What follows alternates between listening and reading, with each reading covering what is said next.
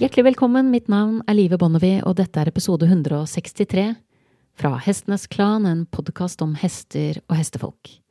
Dagens gjest, Filip Breganza, er ekspert på biomekanikk, det vil si vitenskapen om bevegelsen til den levende kroppen.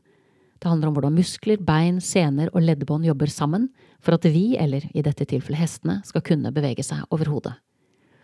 Dette er den kuraterte norske versjonen av den engelske episoden, og som alltid oppfordrer jeg deg sterkt til å høre det originale opptaket etterpå, fordi rett fra kilden alltid er best. Filip Reganza har altså en doktorgrad i biomekanikk, og han har vært med på å utvikle den svenske Sleip-appen, som ikke er sleip i det hele tatt, selv om navnet skulle tyde på det. Det er en app som kombinerer ny teknologi med AI, eller det vi på norsk kaller KI, altså kunstig intelligens. Og den tar denne teknologien i bruk i forbindelse med halthetsutredning. Og gitt at halthet er en av de vanligste årsakene til at vi kontakter veterinær, så er dette så absolutt en episode som er verdt å få med seg.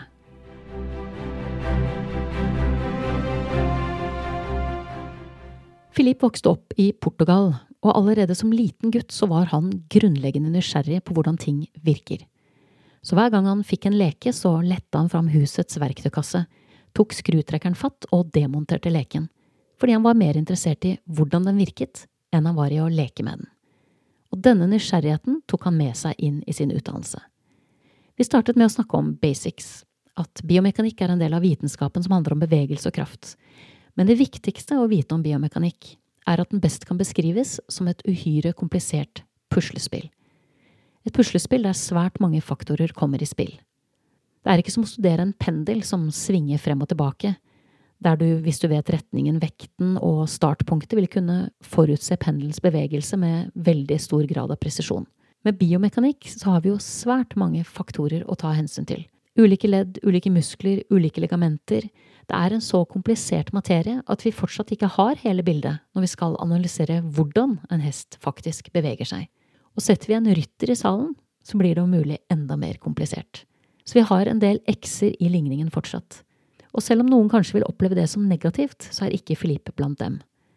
Han ser på dette som et hav av muligheter til å gjøre nye oppdagelser, og som forsker så trigger det ham å bevege seg inn i det vi på engelsk kaller uncharted territory, det vil si et terreng der vi mangler kart.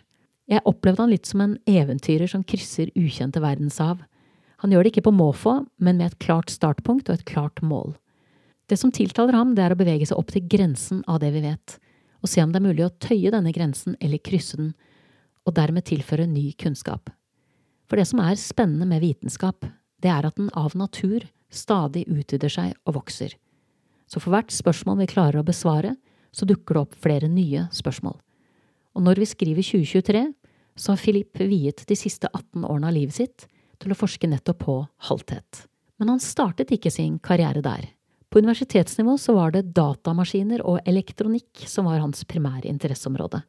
Men så var det disse hestene, da, og lidenskapen han følte for dem som rytter. Som student så savnet han både hestene og ridningen. Og det var dette savnet og lidenskapen for hestene så fikk han til å skifte beite, bokstavelig talt, og begynne å utdanne seg som veterinær. Og da han var ute i praksis og så hvor mange hester som hadde utfordringer med nettopp halthet, så ble dette feltet han valgte å fordype seg i. Men da oppsto det tidlig en utfordring for Philip, for han slet med å se om hester var halte eller ikke under mønstring. Han var rett og slett ikke i stand til å se det han ble bedt om å se, og syntes halthetsutredninger var svært krevende. Det plaget ham, naturlig nok, og i jakten på gode forklaringer så oppdaget han to ting. Selv om det menneskelige øyet er svært presist til å gjenkjenne bevegelse, som gjør oss i stand til å gjenkjenne en slektning vi kjenner godt eller en god venn, selv om det er mørkt og dårlig sikt, så er altså øyet vårt ikke i stand til å avlese halthet på en hest som går i trav, fordi bevegelsene fort blir for raske for øyet vårt. Og Philip innså også at han var langt fra alene å slite med å omsette teori om halthetsutredninger til praksis, det viste seg å være en ganske vanlig utfordring blant veterinærene.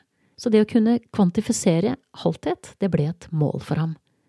Nærmere bestemt å komme bort fra subjektiv synsing og over på objektiv måling av halthet. Så man kunne unngå fremtidige diskusjoner om hvorvidt en hest var halt eller ikke, og hvis den var halt, unngå å diskutere på hvilket eller hvilke bein den haltet.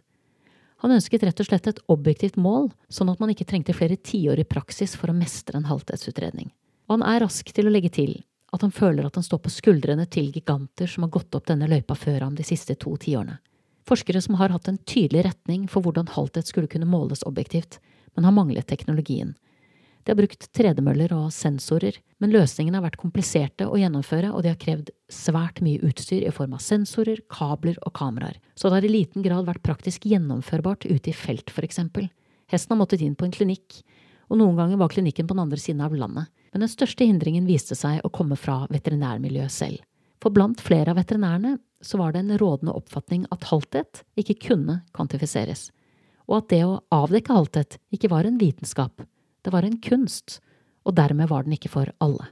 Og dette var ikke en idé veterinærene hadde funnet på selv. Dette hadde de lært av sine mentorer, lærere og mestere på Veterinærhøgskolen. Men med sin bakgrunn så hadde Filip betydelige problemer med å forholde seg til påstander om at et asymmetrisk bevegelsesmønster var å regne som kunst og ikke vitenskap. Selvsagt kreves det trening og dedikasjon for å bli dyktig på å tolke hestens bevegelser, men kunst er det ikke. Ikke så underlig at det falt etablerte veterinærer tungt for brystet å redefinere noe som var blitt opphøyet som en kunst få mestret, til å bli en vitenskap som var tilgjengelig for alle. Så motstanden i de konservative delene av veterinærmiljøet var betydelige. Mange fryktet også for jobbene sine, og de følte seg truet av den nye teknologien som begynte å ta form. Som så mange andre yrkesgrupper så de flere trusler enn muligheter. Og i denne prosessen så har SLU spilt en nøkkelrolle, blant annet i å avdekke hvor mange halte hester vi har i verden, og hvordan veterinærer avdekker halthet. Når er de enige? Når er de uenige? Er det lettere å se halthet på et frambein enn et bakbein? Og mens de jobbet med disse tingene, så oppsto det et heldig sammenfall av teknologisk utvikling og research. Plutselig hadde man enorme mengder data og var i stand til å utvide ambisjonene sine ytterligere, fordi teknologien med tanke på bilder og sensorer var blitt mye, mye bedre, og ikke minst mye, mye rimeligere. Så det var ikke lenger et argument at det var for komplisert å måle halthet, og at det krevde for mye utstyr. Med en app som Sleip-appen så holder det faktisk med et mobilkamera. Du bare løfter mobilen og peker kameraet i retning av hesten og filmer den der og da, og så sender du bildene videre til veterinæren din. Så telemedisinen har kommet for fullt. Det finnes ikke lenger noen gode unnskyldninger for ikke å måle halthet objektivt. Det er enkelt, det er presist, og det er kostnadseffektivt. Og veterinæren er fortsatt en viktig bit av ligningen, i forhold til diagnostisering og ikke minst i forhold til behandling. Og den virkelig gode nyheten er at denne teknologien åpner for å styrke hestenes velferd og rettigheter betydelig. Vi er bare i startfasen av livet med AI som en del av vår hverdag og det er mange muligheter som vil åpne seg med årene. Når det gjelder hester, så er bevegelse kun et mønster, og AI er svært egnet for nettopp mønstergjenkjenning, fordi det er mulig å fòre modellene med hundrevis, om ikke tusenvis, av halte hester. Så AI kan i praksis få en fersk veterinær raskere opp i hastighet når det gjelder å avdekke halthet. AI har heller ikke de samme begrensningene i synet som vi har, så AI vil på sikt kunne bli et uvurderlig hjelpemiddel på flere områder. Vi blir ikke bare mer nøyaktige, vi sikrer også at halthetsvurderingen blir objektiv der den tidligere var subjektiv, noe som vil være en betydelig styrke når vi snakker om velferd. Hestebransjen er som kjent liten, og båndene mellom veterinærer og trenere kan noen ganger bli tette, noe som skaper utfordringer med tanke på objektive vurderinger. Det er ikke lett å stoppe en travhest som står på startstreken på et stort travløp, eller en dressurhest til 150 millioner i en World Cup, hvis du mistenker at noe ikke stemmer men en objektiv måling vil kunne forenkle disse prosessene. Det vil både bidra til å trygge veterinæren i valget med å gi startnekt, og det vil være lettere for trenere og ryttere å akseptere en objektiv måling enn en subjektiv vurdering. Teknologien på dette feltet er inne i en rivende utvikling. Om noen år vil vi trolig ikke bare kunne si at hesten er halt, og på hvilket eller hvilke bein, men også i hvilket eller hvilke ledd. Dette åpner ikke bare for raskere utredninger, det åpner også en mulighet for å stille krav om at hester skal være haltfrie, også mellom konkurranser eller mellom løp. Det er ingen tvil om at hestebransjen er bakpå i forhold til publikums oppfattelse av velferd i sporten. Det er heller ingen tvil om at det er sterke følelser i sving, og at engasjementet er stort, noe som naturlig følger den sterke lidenskapen vi har for hestene våre. Men i debattene som oppstår, så blir objektivt målbare størrelser viktige. Hestene er atleter. Tause atleter som mangler en stemme til å si fra når noe er galt og de vil i tillegg gå svært langt for å skjule både smerte og skader. Så en teknologi som gir dem en stemme, vil være av stor betydning for velferden i årene som kommer. Det kan fort bli et krav at hesten objektivt sett er i god nok form og frisk nok til å starte, og at dette på sikt vil trumfe våre subjektive vurderinger, som ikke alltid er til å stole på. Som mange av episodene har kommet i befatning med. Hjernen vår lyver, og den lyver mye. Som Philip tar opp i dagens episode, og som andre veterinærer i podkasten har vektlagt før ham. Hjernen opererer ikke bare ut fra hva vi faktisk ser, men hva den forventer at vi skal se. Det er allerede gjort flere forsøk som avdekker utfordringene på dette feltet, der rutinerte veterinærer i flere land vurderer halthet ulikt hvis de blir fortalt at man har blokket ut det antatt affiserte leddet uten at så er tilfellet. Det vil si at det er blitt fortalt at leddet som er identifisert som problemet, er blitt bedøvet, og fordi de forventer å se en hest som er mindre halt, så er det nettopp det de ser. Og så er det alle de andre omkringliggende faktorene, som at vi er slitne etter en lang dag på jobb, at vi har bekymringer privat som krever oppmerksomhet, at vi har en relasjon til eieren og treneren og virkelig ønsker å se bedring. Og så er det øyets begrensninger, for å nevne noe. Og dersom det bare er snakk om en svak asymmetri, så vil ikke øyet engang klare å fange den opp. Jeg spurte også Filippe om hans betraktninger om moderne sportsdressur, og da understreket han at det bokstavelig talt var en helt annen arena enn hans arena, men at hans fokus er overlinjen, og bevegelsen til hodet, ryggen og bekkenet, fordi det er her halthet er mest synlig. Subtil frambeinshalthet synes alltid best på hodebevegelsene, og bakbeinshalthet synes best på bekkenets rotasjoner og bevegelse. Men i dressur så er det flere øvelser som i sin natur er asymmetriske så da blir det om mulig enda mer krevende å oppdage avvik i bevegelsesmønsteret. Og så legger man til rytteren på toppen, og da blir bildet om mulig enda mer komplisert. Dette kommer det faktisk en egen episode om senere i høst. Det er også kontroversielt å påstå at man ikke kan gjøre en halvtidsundersøkelse uten at testen er under rytter. Akkurat som noen mener at halvtidsutredninger er en kunst, så er det noen som mener at man må se ekvipasjen sammen med hesten for å kunne danne et komplett bilde. Men Philippe bestrider begge deler med mindre det er ryggen som er problemet, hva hesten for eksempel har kissing spines. Da kan en rytter på ryggen absolutt bidra til å tydeliggjøre problemet. Men hans grunnholdning er at biomekanikk er svært komplisert, og at det ikke blir mindre komplisert hvis du legger en kropp til i ligningen. Snarere tvert imot. Vi snakket også om omtrent hvor mange hester på verdensbasis som sliter med halthet i en eller annen form. Det har de siste årene blitt gjennomført omfattende undersøkelser i flere ulike land, og tallene sammenfaller overraskende godt. Det undersøkelsene viser, det er at omtrent to tredjedeler av hestene er asymmetriske. Men her er det et viktig forbehold. Asymmetrisk er ikke det samme som halt, ei heller at hestene har vondt. Det betyr bare at de har en signifikant og målbar asymmetri i sitt bevegelsesmønster.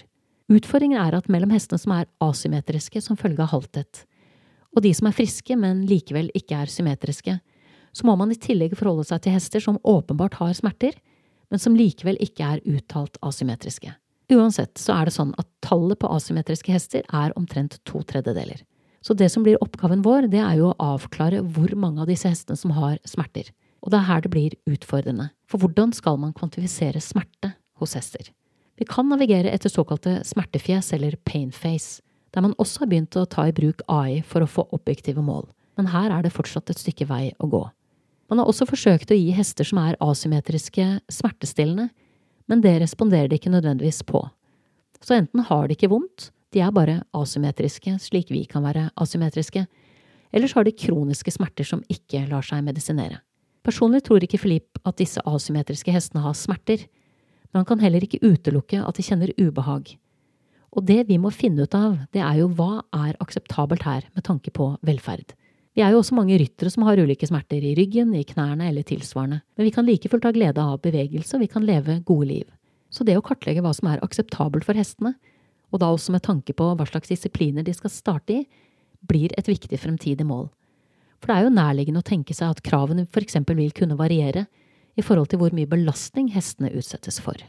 Det vi skal merke oss i forbindelse med undersøkelser som er gjort så langt, er at de avdekker en god del hester med svak halthet halthet som er så svak og i så tidlig fase at den går under radaren. Hester der eieren kanskje fornemmer at noe ikke stemmer helt, men symptomene er diffuse og haltheten blir ikke fanget opp. Og her er det helt klart et område med stort forbedringspotensial. For det å avdekke halthet i tidlig fase vil bedre prognosen til å bli bra, og samtidig styrke hestens velferd.